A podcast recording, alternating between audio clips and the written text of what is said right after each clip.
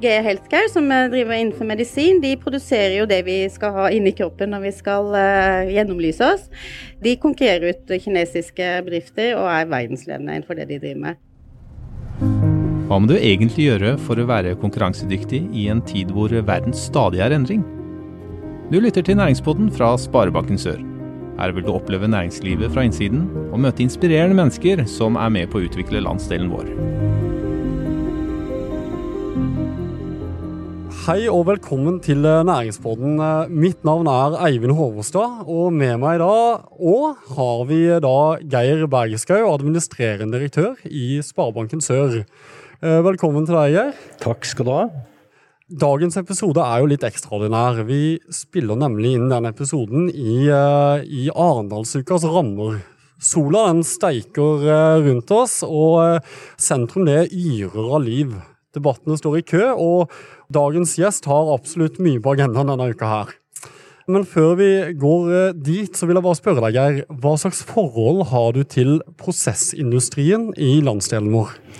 Et forhold av beundring, vil jeg si. Uh, prosessindustrien uh, i denne landsdelen er jo egentlig en diamant, en litt skjult diamant. Uh, det er kompetanse som er internasjonal. Altså den er mye av disse prosessindustribedriftene vi har her, er jo ledende internasjonalt på sine områder, og representerer jo en ekstremt spiss og god kompetanse eh, som uh, vi har stor glede av, og som jeg er helt sikker på vi kommer til å ha stor glede av i årene framover.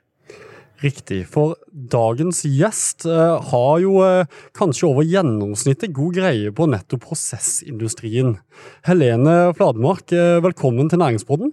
Tusen takk. Det er første gang jeg er på podkast, så det var veldig gøy å bli invitert til dette her. Og det er gøy å få introdusert deg til det. Jeg må bare si, først og fremst til de som ikke kjenner til deg og hva du driver med. Hva bruker du å si til de? Ja, hva bruker jeg si til det? Det Geir sa i forhold til, forhold til prosessindustrien, så har jeg lyst til å si at det har du nok et nærmere forhold til enn du tenker på. For hvis du har en telefon, en iPhone f.eks., så har du materialer som er produsert på Sørlandet av vår industri. Så, så, det vi driver med her er jo kanskje ikke så godt kjent for folk. Inni disse store, grå bygningene så produserer vi materialer som vi bruker i hverdagen vår. Min jobb handler jo om å, å skape samarbeid og bærekraftig utvikling i samarbeidet, alle disse bedriftene. Mm. Helene, hva, hva, er det som kjennetegner uh, prosessindustrien? Nei, altså Det som er i utgangspunktet, er jo at uh, prosessindustrien er jo etablert i Norge fordi at vi hadde kraft for 100 år siden. Uh, jeg kommer rett nå fra et, uh, et seminar om sirkulærøkonomi, og det som er veldig spennende, er at vi nå er jo med på Altså vi ble basert på kraft, og nå lager vi kraft. Altså Det vi samarbeider om nå, er f.eks. Å, å utvikle batteriløsninger, sånn at vi kan lagre kraft i kveld. Og det å, å være med i, i, den utviklingen der, sånn at vi til sammen kan skape en enda mer bærekraftig verden, det er egentlig det vi jobber med. Mm. Så, så, det er ikke så lett å se på utsiden, men uh, det er det det handler om veldig mye. Mm. Og, og, du er i dag leder av Eideklyngen. Uh, fortell oss litt om, om nettverket om klyngen? Ja, altså Vi ble etablert for over ti år siden eh, med utgangspunkt i industri som har vært der i over 100 år. Det var jo Sam Eide som etablerte veldig mange av disse industriene, som bør være kjent i Arendal i hvert fall. Eh, han eh, etablerte Hydro, Elkem, smelteverket på Eidehavn, nikkelverket i Kristiansand. Og når Eide-klyngen ble etablert, da, før min tid, så, så lette man etter et navn, og så kom det på en måte av seg sjøl. For det er noe med han tenkte store tanker den gangen. Han etablerte industri med hjelp av altså utenlandskapital, kapital, men hadde store visjoner. Og det er egentlig det vi har som visjon også, det å, å skape verdier eh, fremover og utvikle ny industri. Så, så, jeg syns jeg var veldig heldig som kom inn i den jobben. Jeg hadde ikke noe bakgrunn, jeg var ikke ekspert på prosessindustri, jeg er bygningsingeniør og jobba mye med politikk og, og, organisasjonsliv, men det å få lov til å bidra liksom, i en utvikling også i vår egen region, det syns jeg er veldig spennende. Så jeg flytta hjem for å gjøre dette. Mm. Ikke sant. Og så var det vel også slik jeg har forstått at etableringen av klyngen var jo nettopp for å hjelpe bedriftene å samarbeide, uh, klare bedre omstillingen som, som, er nødvendig. Hvorfor er det så viktig for prosessindustrien å omstille seg? Altså Det er jo viktig for alt næringsliv. Altså, du, du, kan ikke drive business nå for tiden uten å tenke at du må hele tiden utvikle deg. Og det har nok vært eh, overlevelsesevnen til den industrien jeg representerer, og grunnen til at de fortsatt eksisterer, er evnen til hele tiden å forbedre seg. Så man må forbedre seg kontinuerlig, og så må vi ta noen kvantesprang. Så, og vi samarbeider egentlig om begge deler. Men det er klart at eh, altså, du kan ikke drive næringsvirksomhet uh, verken her eller der uten at du hele tiden tenker at du skal utvikle deg. Om, om det er frisør, Vi ser jo det er innovasjon i den bransjen òg, så, så, det er jo det jeg tror alle må tenke på nå. Mm. mm. Helene, medlemmene av eh, denne klyngen, det er stort sett eh, store, tunge aktører, eller? Eh? Nei, det begynte med de store. Eh, altså det var en samarbeidsvilje mellom disse store bedriftene som satte i gang, og det er fortsatt kjernen i det ligger i, i, viljen de har til å dele og utvikle seg sammen. Men nå er vi jo snart 70 medlemmer, og, og mange av de, nå er det jo flertallet er jo faktisk mindre bedrifter. Og det som vi skal jobbe mye mer med, som er noe av fokus her i Nordlandsuka, er jo det å skape ny bedrift. Altså nye etableringer. Skape entreprenørskap rundt bedriftene. Og da er det egentlig to hovedområder som vi ser det er kanskje størst grobunn for vekst. Det er jo innenfor det digitale. altså Det å være med og bidra til at bedriftene omstiller seg gjennom at mindre bedrifter kommer med sin kompetanse.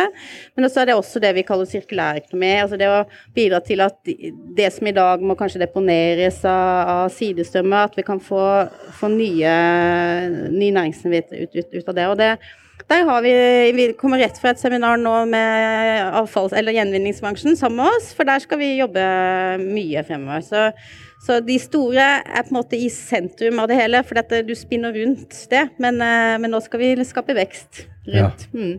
Og da trenger vi finansnæringen med. Ja. Det har vi jo vært med på i, i mange, mange år eh, så langt.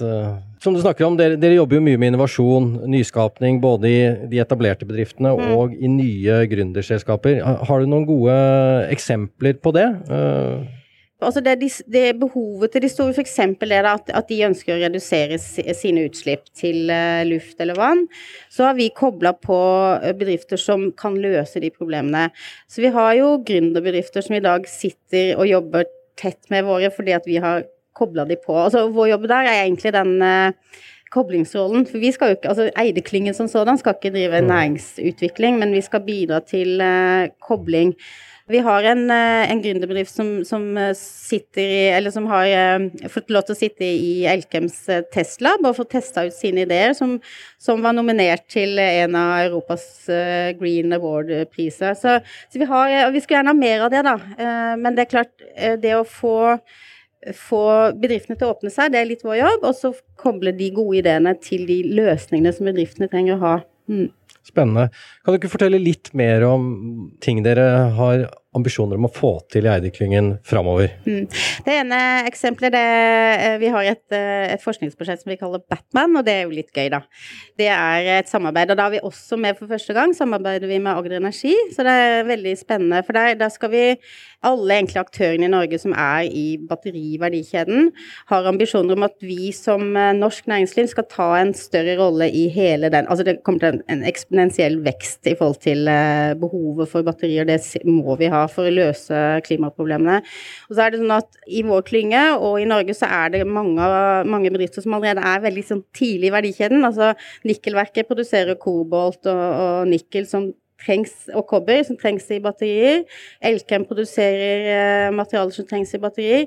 Det vi jobber med nå, er å, å, få mer innsikt sammen for at vi kan ta Kanskje til og med få etablert ny industri som kan gjenvinne batterier. Det kommer til å komme masse behov for det, men når alle skal skrape Teslaene sine, så kan vi ta batteriene i bruk og, og gjenvinne dem. Så, så, det er ett eksempel. Og der, der, jobber vi veldig bredt nå, for dette er tidlig fase. Og så blir det jo hver bedrift som må lage businessen sin, men, men det at vi samarbeider så bredt, det, det tror jeg er, det er ganske nyskapende måte å jobbe på. Og Agder Energi er med, for de har jo sin rolle i, i denne verdiskapingen. Så det blir spennende. Hvis vi løfter perspektivet enda litt og tenker internasjonalt, globalt. Eh, jeg startet jo med å si at her er det jo bedrifter som er ledende internasjonalt på sine områder. Men kan du ikke si litt mer rundt det? Hvor, hvor ledende er vi? Hvilke bedrifter er det som er fremme innenfor prosess- og materialteknologi? Altså Noen eksempler er Elkem, som i hvert fall folk bør ha hørt om. Da. De har jo sitt uh, hoved... Uh, altså De er jo en global bedrift som har, uh, som har bedrifter over hele verden. de har sitt forskningssenter i Kristiansand. Og det er jo der de utvikla den teknologien som er verdensledende i forhold til solcelleindustri. Og så går det Akkurat nå så går det ganske dårlig, det er pga. handelsbarrierer, altså Kina og USA. Men, men, det som er et faktum, er at den teknologien de har der, det er den som er mest eh, tilgjengelig for å kunne resirkulere solceller. Så det er liksom ett eksempel. Så har vi jo nikkelverket, som jeg nevnte, som har eh, De nå holder på å bygge ny industri. Helt ny eh, kobberelektrolyse, som det heter, altså produserer kobber i Kristiansand. Uh, investere over en milliard. Og det er fordi at de har den mest uh, up to date teknologien på dette med å produsere kobber i, i verden. Uh, og kobber trenger man. Kobber er veldig, veldig, veldig viktig skal man få til det grønne skiftet. Ja, så har vi et eksempel. Det er GE Healthcare, som driver innenfor medisin. De produserer jo det vi skal ha inni kroppen når vi skal gjennomlyse oss. De konkurrerer ut kinesiske bedrifter og er verdensledende innenfor det de driver med. Så det er på en måte på så veldig mange områder. Men uh, det som er viktig, er at det de produserer som er vanskelig og vanskelig å se når man kjører forbi f.eks. For Fiven, som den heter utenfor Lillesand, eller Saint-Gobain, inni der eh, produserer man noe som heter silisiumkarbid. Og det bruker man faktisk i iPhone.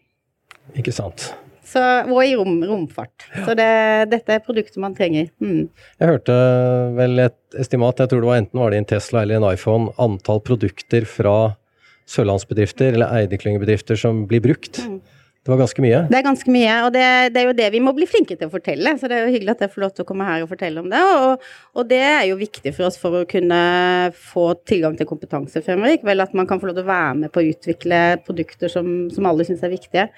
Og særlig innenfor fornybar energi, som, som vi vet er helt nødvendig. Så, så vi merker at unge folk syns det er spennende når vi bare får fortalt det, da. Så her gjelder det å fortelle historien? Ja. Ja. Eh, Helene, du har jo òg eh, engasjert deg i politikken eh, en del opp gjennom tidene. Og du har i tillegg da god oversikt hva gjelder behov innen prosessindustrien. Men hvis du skulle ha vært diktator for en dag, hva hadde du da gjort? For det første så ville jeg jo ikke blitt diktator, for jeg er veldig opptatt av demokrati. Sånn at det er på en måte helt utelukka. Da ville jeg bare avinstallert det diktaturet med en gang. Det er faktisk noe av det viktigste jeg brenner for, det er demokrati. Så det er derfor jeg er så engasjert i Arendalsuka, for det, det, er virkelig viktig for meg. Så det fins jo noen som mener at det grønne skiftet er viktigere enn demokrati. Der er jeg ikke i det hele tatt. Altså vi må ha med oss folk, og folk skal stemme. Så vi må, heller, vi må overbevise våre borgere om at det er viktig. Vi må ikke tvinge gjennom endringer. Så, så det, det, var mitt svar på den. og det var et godt svar. Um, og, og, for å fortsette det, altså du, du er jo sterkt engasjert uh, på mange områder, ikke minst Arendalsuka gjennom programkomiteen. Hvor viktig er denne, uh, dette arrangementet, denne politiske festivalen, dette dansegulvet for demokratiet, for denne landsdelen, og, og, og gjerne for Norge og, og demokratiet i Norge? Eh, det, altså, det, det, er jo viktigere enn noensinne. og eh, Vi merker jo at det, vi har jo mange, mange eller Nesten alle ambassadørene i Norge kommer jo til Arendalsuka nå. Og det er jo fordi at det er viktig beyond Norge. Altså For nå er verden såpass uh, unormal. Vi hadde jo en, en, en stor uh, konferanse i går som heter 'Normal is over'. Uh, og nettopp det å, å, legge til rette for deltakelse og demokrati er jo kanskje det, noe av det viktigste vi kan gjøre for å sikre at the new normal er, er bra, da. Så jeg tenker at for, selvfølgelig for vår landsdel, for vår by, så er det jo viktig for å vise frem eh, at vi er en fin by å være i. Men eh, jeg tenker det grunnleggende er jo at du legger til rette for, for at verden ikke går helt av hengslene. Ikke sant. Mm. Vi, eh, vi, opplevde jo Global Outlook som Det var jo den første delen av Arendalsuka. Startet ganske tidlig på mandag. Og jeg husker jo første Arendalsuken. Da, da var det nok å ha et lite konferanserom bort på Tyholmen. Um, nå fylte det jo uh, rett og slett uh, Kulturhuset til siste stol, og det var til og med kø utenfor. Og vi ser jo også uh, at det er et yrende liv her. Det er flere arrangementer enn noen gang, og dette vokser hele tiden. Hvorfor vokser det så fort?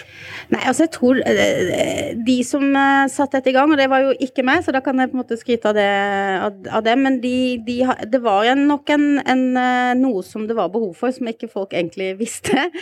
Eh, og det vi har sett, er jo at, uh, at det samler jo egentlig alle. Eh, noen snakker om sånn elitearrangement. Eh, det er det jo ikke. Bestemødre for fred eh, dominerte i går. Eh, mine barn er til stede. men jeg tror det er blitt eh, så viktig fordi at folk trenger egentlig å snakke sammen nå. Altså det er ikke bare liksom å vise seg frem. Arendalsuka handler jo veldig mye om den samtalen. Så jeg, jeg, var jo helt rørt i går når jeg så, kom ut og så eh, Global Outlook at det var så fullt, for det hadde jeg ikke trodd, faktisk. For det er ganske dype greier vi gikk inn på der. Det var ikke så veldig tabloid, så, så det er gøy. Så bra. Vi begynner å nærme oss slutten her, eh, Lene. Men eh, helt til slutt, eh, vi kaller jo dette her næringspodden. Det er jo for næringslivet, men vi kan jo spille litt på, videre på den. Og, og da er siste spørsmålet, hva gir deg næring og inspirasjon? Nei, Å være her denne uka gir jo det. I tillegg så vil jeg si å padle kajakk helt alene på Merdefjorden. Det er vel kanskje de to motsatsene. Masse folk eller ingen folk. Ikke sant. Men uh, da vil vel vi egentlig bare takke for en uh, meget interessant og hyggelig samtale. Det vil vi. Tusen takk for at jeg fikk lov til å Tusen takk for at du kom. Du lyttet nettopp til næringspodden av Sparebanken Sør. For flere episoder, gå inn på sor.no slash podden. Her kan du gi ris eller ros, samt tips til andre næringsdrivende vi bør intervjue.